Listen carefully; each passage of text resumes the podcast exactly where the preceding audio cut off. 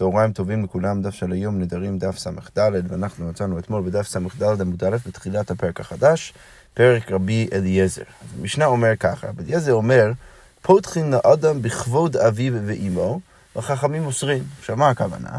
אליעזר בא ואומר שכשבן אדם נודר, אז אפשר תמיד ובכל נדר להגיד לאותו הבן אדם, אם, אה, אם היית יודע שבעקבות הנדר שלך היו קוראים להורים שלך, לאבא ואימא שלך, שהם גדלו איזשהו רשע שעכשיו אה, פרוץ בנדרים, האם היית בכל זאת נודר? ואם הבן אדם הזה אומר לא, אז אפשר לפתוח דרך זה את, את ההיתר שלו ודרך זה להתיר לו את הנדר. עכשיו, חכמים באים ואוסרים. אז משנה משכב אומרת, אמר רבי צדוק, עד שפותחים לו בכבוד אבי ואימו, יפתחו לו בכבוד המקום, אם כן אין נדרים. אז המשנה כאן אה, מביאה את, אה, את שיטת רבי צדוק כדי ככה לנמק את שיטת חכמים, באים ואומרים, אם אתה רוצה להגיד כמו רבי אליעזר שמה שאפשר לפתוח בכבוד אבי ואימו, אז אם עד, עד שאתה לא פותח בכבוד אבי ואימו, אז אתה יכול גם כן לפתוח בכבוד הקדוש ברוך הוא, בכבוד המקום, להגיד, אם היית יודע שהקדוש ברוך הוא היה כועס עליך, שאתה פרוץ מנדרים, היית בכל זאת נודר, ואם התשובה היא לא, אז לכאורה אפשר גם, גם שם אפשר לקרוא להטיל לו את הנדר. ואם כן, אם אתה הולך עד, עד הסוף, אז אם כן אין נדרים. אנחנו רואים בגמרא מחלוקת איך בדיוק לפרש את השורה כאן, אבל, אבל איך שזה לא יהיה, התחושה היא ברורה, שמה שהוא מנסה להגיד זה שאם אתה בא ו, ו, ואומר שאפשר לפתוח בכבוד אביו ואמו, אז אין לדבר סוף, ואז, ואז לא יהיו נדרים בכלל. אבל בכל זאת המשנה ממשיכה ואומרת, מאוד עם חכמים לרבי אליעזר בדבר שבינו לבין אביו ואמו. אה, אם מדובר על נדר שהוא ספציפית בינו לבין אביו ואמו, אז שפותחים לו לכבוד אביו ואמו. שם, רבי, אה, שם החכמים מודים לרבי אליעזר שאפשר לפתוח בענייני אביו ואמו. למה? כי פה ברור שמדובר על איזשהו סכסוך ביניהם, ולכן שם אפשר לפתוח, אבל בדרך כלל הם אוסרים. אוקיי, ממשיכה המשנה ואומרת, ועוד אמר רבי אליעזר, פותחין בנולד, וחכמים אוסרים. עכשיו, מה, מה זה הדבר הזה הנולד? כיצד? אז המשנה אומר ככה, מקרה ראשון, אומר, אם בן אדם בא ואומר, קונם שאני נהנה לאיש פלוני, אני לא רוצה ליהנות מאותו הבן אדם. ואז מה קרה? ונעשה סופר, הבן אדם הזה הפך להיות סופר. עכשיו, הנודר רוצה ליהנות ממנו, הוא רוצה שיכתוב בשבילו ספר או משהו כזה. או שהיה מסית בנו, או שהבן אדם הזה המודר, אה, אה, או הבן אדם שהנודר אסר, אסר ממנו הנאה. אז הבן אדם הזה עכשיו משיא את בנו, הוא עכשיו מחתן את הבן שלו ועושה מסיבה גדולה. והנודר רוצה ליהנות מהמסיבה, רוצה לבוא לחתונה. אז עכשיו, אם הנודר בא ואומר, ואומר, אילו הייתי יודע שהוא נעשה סופר, או שהיה משיא את בנו בקרוב, לא הייתי נודר. אז, אז, אז, אז אם...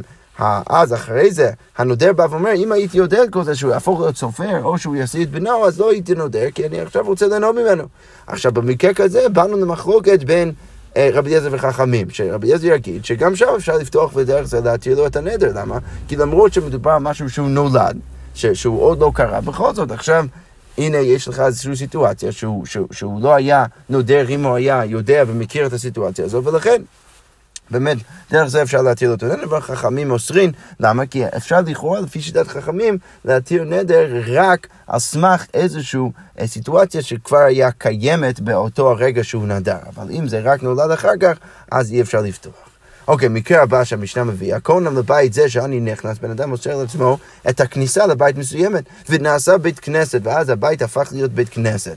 אז אם הוא אמר, אילו הייתי יודע שהוא נעשה בית כנסת או הייתי נודר, אז גם שם באנו למחלוקת בין רבי אליעזר וחכמים, ושוב המשנה אומרת, רבי אליעזר מתיר וחכמים אוסרים, בשני המקרים האלו, אה, בין במקרה של הנולד עם ההוא שנהיה סופר, הוא הוציא את בנו, בין, אה, אה, את בנו, בין במקרה של הבית שנהיה בית כנסת, איך שזה לא יהיה, רבי אליעזר מתיר וחכמים אוסרים.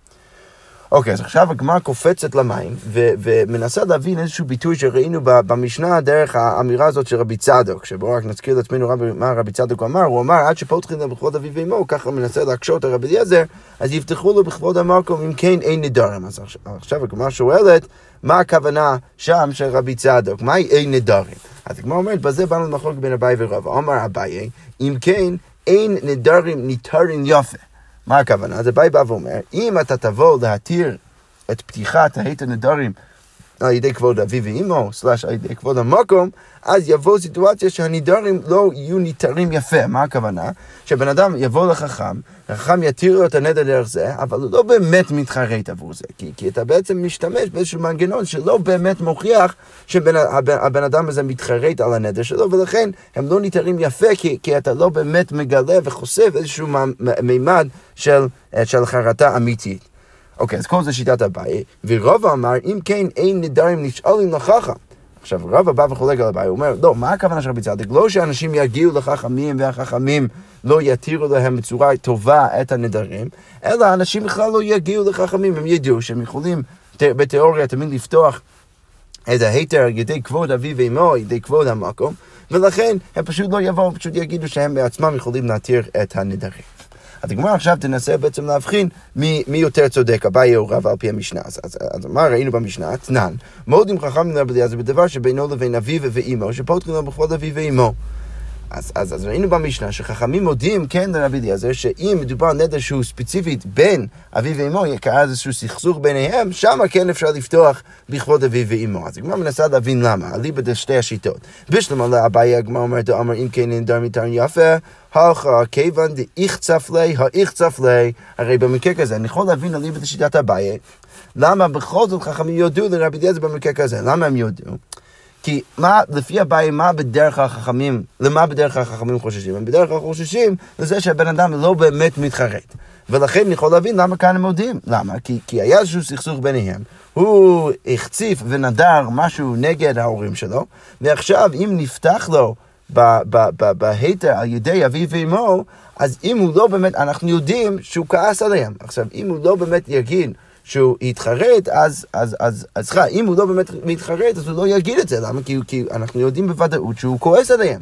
עכשיו, אם אנחנו רואים שהוא באמת אומר את זה, שהוא אומר שהוא מתחרט על מה שהוא עשה, הוא מתחרט על הנזר שלו, אז אנחנו יכולים בעצם לדעת שהוא באמת יתחרט, כי כל זאת הוא לא באמת יתחרט, הוא, הוא, הוא יישאר אה, בעמדה שלו, למה? כי אנחנו יודעים ש, שלפני רגע הוא באמת כעס עליהם, ולכן שמה אפשר להבין על ליבת שיטת אביי, למה כאן חכמים יודו.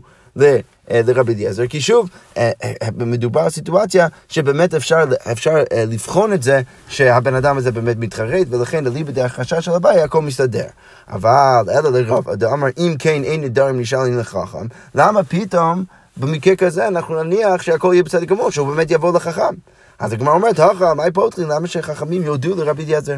אז הגמרא אומרת, אמרי, מה אני יכול להגיד? כיוון דכל נדרי לא סגי להון דלאו חכם, הכה נמי פותחין. אז הגמרא פשוט מתרץ ואומרת, איך נמי, באמת הקושה שלך במקום, אלא שמה?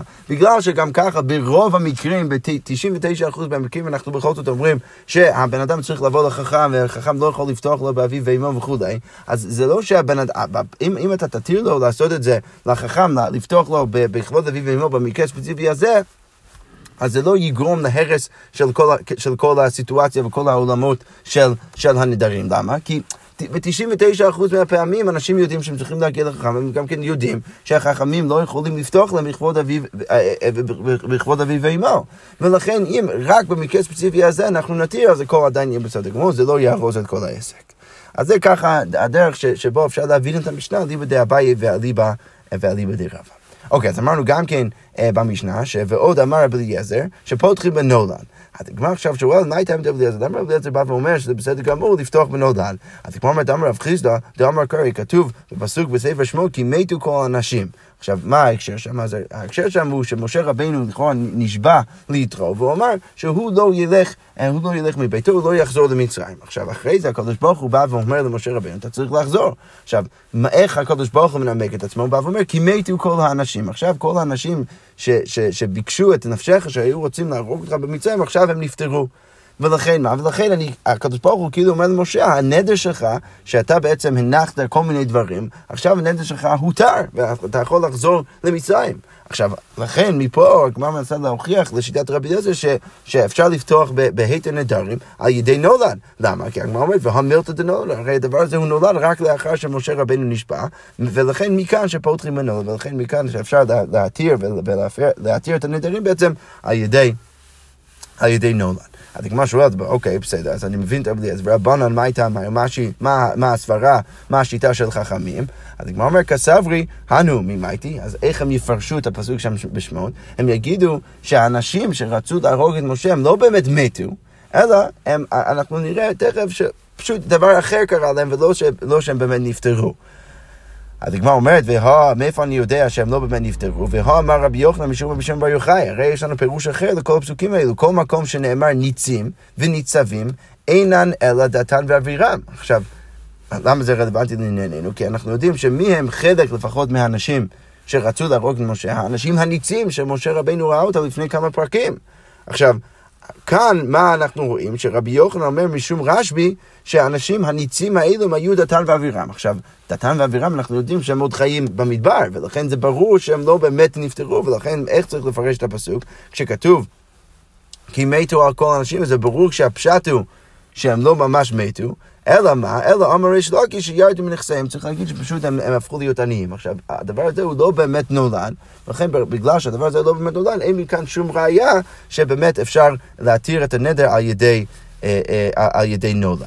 הגמרא ככה רק מסיימת עם איזה, איזה ממרה אגד, אגדי של אה, רבי יהושע בן לוי, אה, אה, והגמרא אומר ככה, אמר רבי יהושע בן לוי, כל אדם שאין לו בנים חשוב כמת, כל בן אדם שאין לו בנים, אז הוא חשוב כמת, הוא כאילו נפטר, שנאמר, הבה לי בנים ואם אין מתה אנוכי, ככה אומרת רחל ליעקב, אם אין לי בנים, אז, אז אני נפטרה, ולכן אנחנו רואים שכל בן אדם שאין לו בנים חשוב כמת. ותניא כתוב בברייתא, ארבע חשובים כמת, יש ארבע אנשים שחשובים כמת, אני מצורע סומה ומי שאין לו בנים.